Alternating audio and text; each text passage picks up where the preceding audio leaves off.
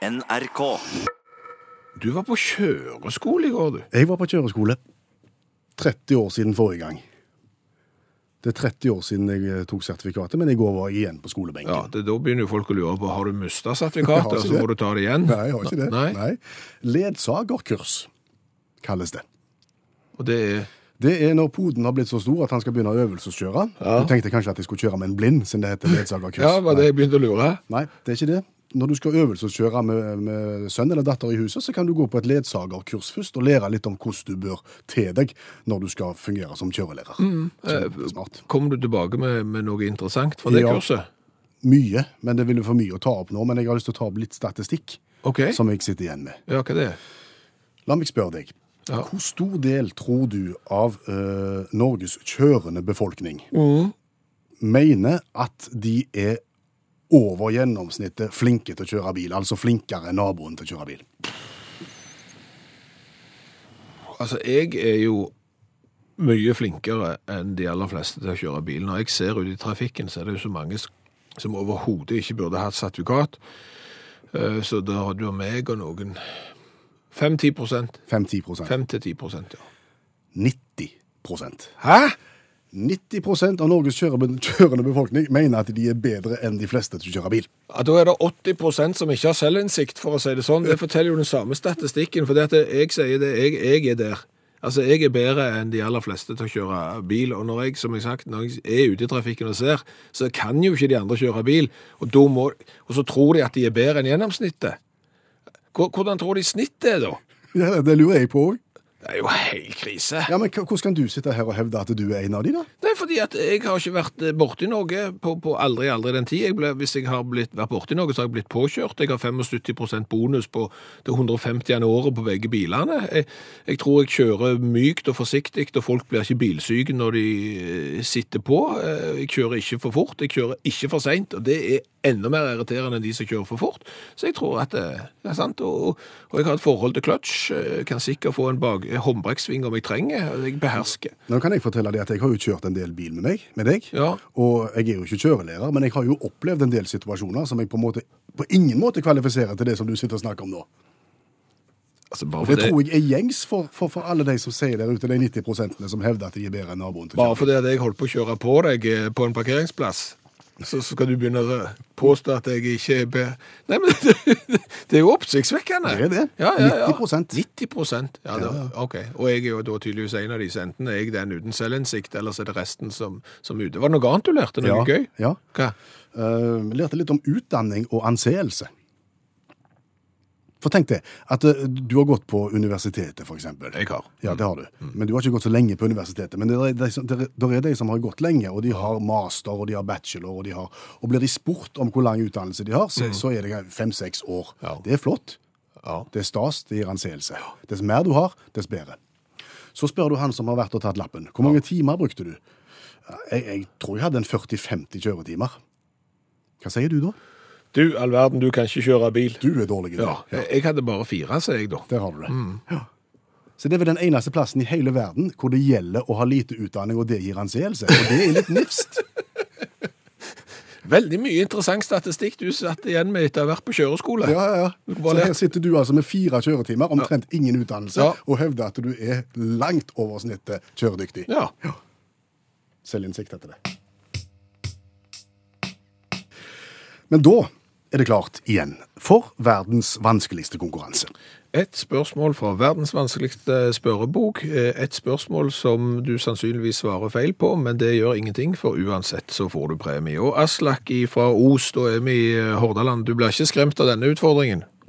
Nei, nei, nei, nei, det går kjempebra, det, vet du. Denne klarer vi. Ja. Har du sittet og fulgt med på de olympiske leker, for eksempel? Nei. Ingenting. Nei, det hører litt på øret, ja. men ellers ingenting. Du, du har fått med deg at det er en bergenser som har vært ganske snar på skøyter? Ja, han har vi hørt om. Det kan ikke vi unngå, vet du. Nei, det, det er bra. Vi skal gå kjapt gjennom reglementet for verdens vanskeligste konkurranse. Det er bare et spørsmål, og svarer du rett som den andre personen i verdenshistorien, så skal du få gladjodling. Eh, Mest sannsynlig blir det feil, og da blir det tristjodling. Men du kommer til å få lov til å gå og vandre i sentrum av Os med ei svarte T-skjorte med utaktlogo på og V-hals. Det høres bra ut. Du er klar, Aslak? Jeg gjør det. Vi spiller verdens vanskeligste konkurranse. For selv om du ikke er interessert i idrett, så går det jo ikke an å ikke få med seg at det er OL akkurat nå. Og apropos OL, Stillehavslekene, har du hørt om de, Aslak? Jeg har hørt om de ordene, men hva det dreier seg om, det er ikke helt sikkert. Nei, Det er jo nesten som et litt sånn sommer-OL for de landene som holder til rundt eh, Stillehavet, med, med masse forskjellige idrettsgrener. Og dette begynte for første gang i 1963 på Fiji. Eh, Og så blir det arrangert hvert fjerde år, sånn som OL, helt fram til nå i Papua Ny-Guinea i 2015. Eh, Ja, fire år bortsett fra at de hadde tre års intervall fram til 1975 på Tahiti, men, men stort sett fire år imellom.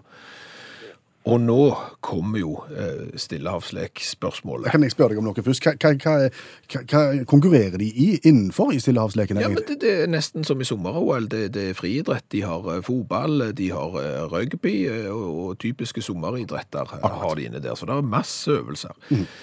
Da spør jeg deg, Aslak, hvem vant medaljestatistikken under Stillehavslekene i 1966? 66. Det kan være nordmann siden du spør sånn, men uh, Hvil, hvilken nasjon tok flest medaljer? det må være USA.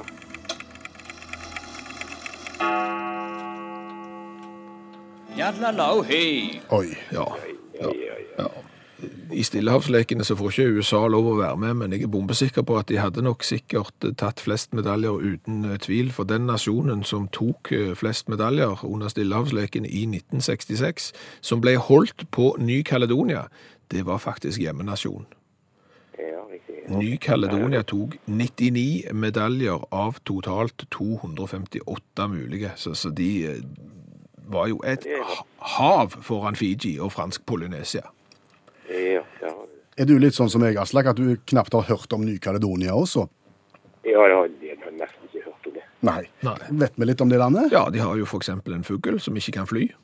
Har de det? Ja, kaguen er jo en eh, flygeudyktig fugl. Det er litt sånn, hva skal du da kalle deg? Er du fugl da, når du kan, ikke kan fly? Jeg, jeg er ikke sikker, men det, men det er... Det er greiene, og, men, men det er jo, eh, du, du sa USA, og det er jo mange land som har eh, kontakt med Stillehavet, men de får ikke lov å være med, men vi snakker om land som eh, Tonga og Valles og Futuna og Salomonøyen og sånn, og helt på bunnen av medaljestatistikken kom Nyhebridene med to bronser og Cookøyene med kun en skarve bronse. Så Har du tatt notater nå, Aslak?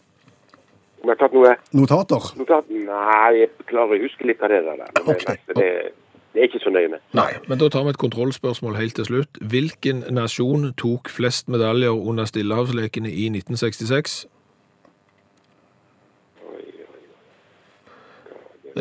Caledonia. Det var Ny-Caledonia. Ja. T-skjorta på vei i posten til Os. Tusen takk skal du ha.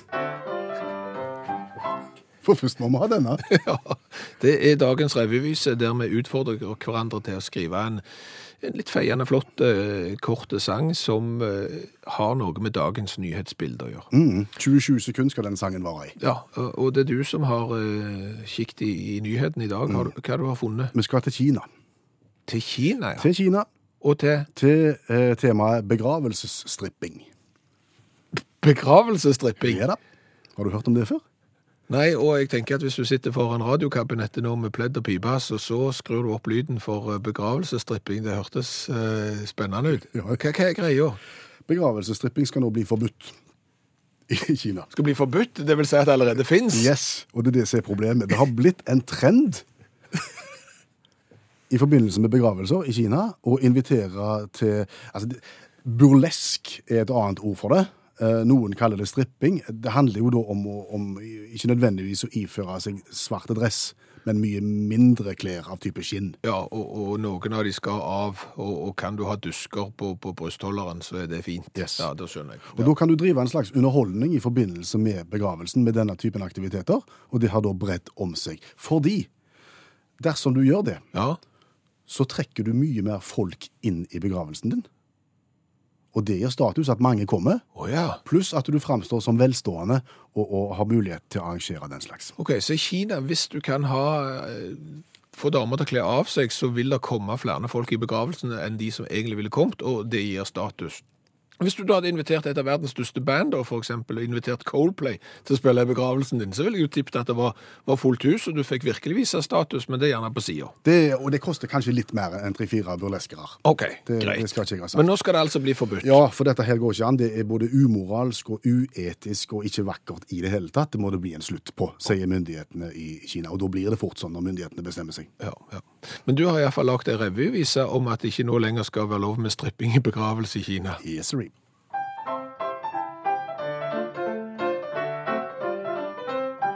Vi er samlet i kveld, for nå skal vi ta farvel. Og familien er nei, men ikke prippen. For når kista går ut, kommer dansetruppen inn. Og like etterpå så starter selve strippen. For underholdningen, den trekker masse folk. Og selve uttrykket, det trenger ingen tolk. Men den avdøde snur seg i kista, kan du tro, og får støtte nå av fagforeningsfolk. Utakt leser høyt fra boka 'Norges morsomste vitser'. De beste vitsene fra NM i humor. En ung sjømann kom til sjømannspresten og fortalte at han hadde et stort problem når det gjaldt jenter. Jeg er nemlig sammen med en kjekk jente, sa gutten, men nå er jeg blitt så forelska i mora hennes at jeg rett og slett ikke vet hvem jeg skal velge. Kan du, prest, gi meg et råd? Sjømannspresten tenkte seg lenge om, og så kom det. Jeg foreslår at du venter til du har møtt bestemora.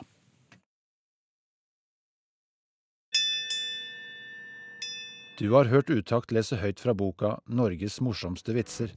De beste vitsene fra NM i humor. Hva har vi lært i dag? Og du all videste verden. Vi har lært eh, ganske mye i dag òg, mellom all idretten. Ja. Vi har annet lært det at Kina skal nå forby begravelsesstripping. Ja, det var på tide, kanskje? har vært veldig populært å ha sånn såkalte burlesk-show i begravelsen, for det gir status, og du trekker folk til begravelsen. Jeg kan komme på mange andre ting også, ville trekke folk til en begravelse, men, eh, men OK, eh, nå skal det altså forbys. Og Karin hun, i Rennebu hun lurer jo på om, om det er menn som driver med, med sånn burlesk-dansing, for det er jo gjerne, det vet jeg ikke. For jeg ser for meg, det, det, det er fire, fine kostymer der i burlesk, og så når du da begynner å hive klær etter hvert, så har du gjerne en sånn brystholder med, med, med noen dusker på og sånn. Ja. Og, og Karin ser jo for seg, hvis det var mannlige burleskdansere, ja, du skjønner. Dusking, tenker du. Det, det er en del ja, hvor dusken eventuelt da skal være. Eh, så har jeg jo lært det at 90% av norske bilister anser seg selv som bedre sjåfører enn gjennomsnittsnordmannen. Ja. Vil vel si òg at det er omtrent 90% av nordmenn som mangler sjølinnsikt. For, for, for å si det fint. Statistikk kan leses på mange måter. Ja. Så har vi lært det at Ny-Caledonia var en stormakt i Stillehavslegen i 1966. Jeg er litt usikker på hvor jeg skal bruke den kunnskapen henne. Så vi går kjapt videre da til at eh, på Ny-Caledonia blant annet, Ja. så har de jo en fugl som heter kagun, som ikke kan fly. Ja, Og spørsmålet er han da en fugl? Ja, altså, kan du velge å, å, å ikke fly og samtidig være fugl? Bare si at dette nekter jeg. Altså, Fins det f.eks. fisk som, som ikke er i vann, som nekter å svømme? Vet du hva, nå orker jeg ikke mer. Har du hørt om tunfisk? Er ikke det på Jo, det har du jo faktisk, ja. De er jo på land. Hør flere podkaster på nrk.no podkast.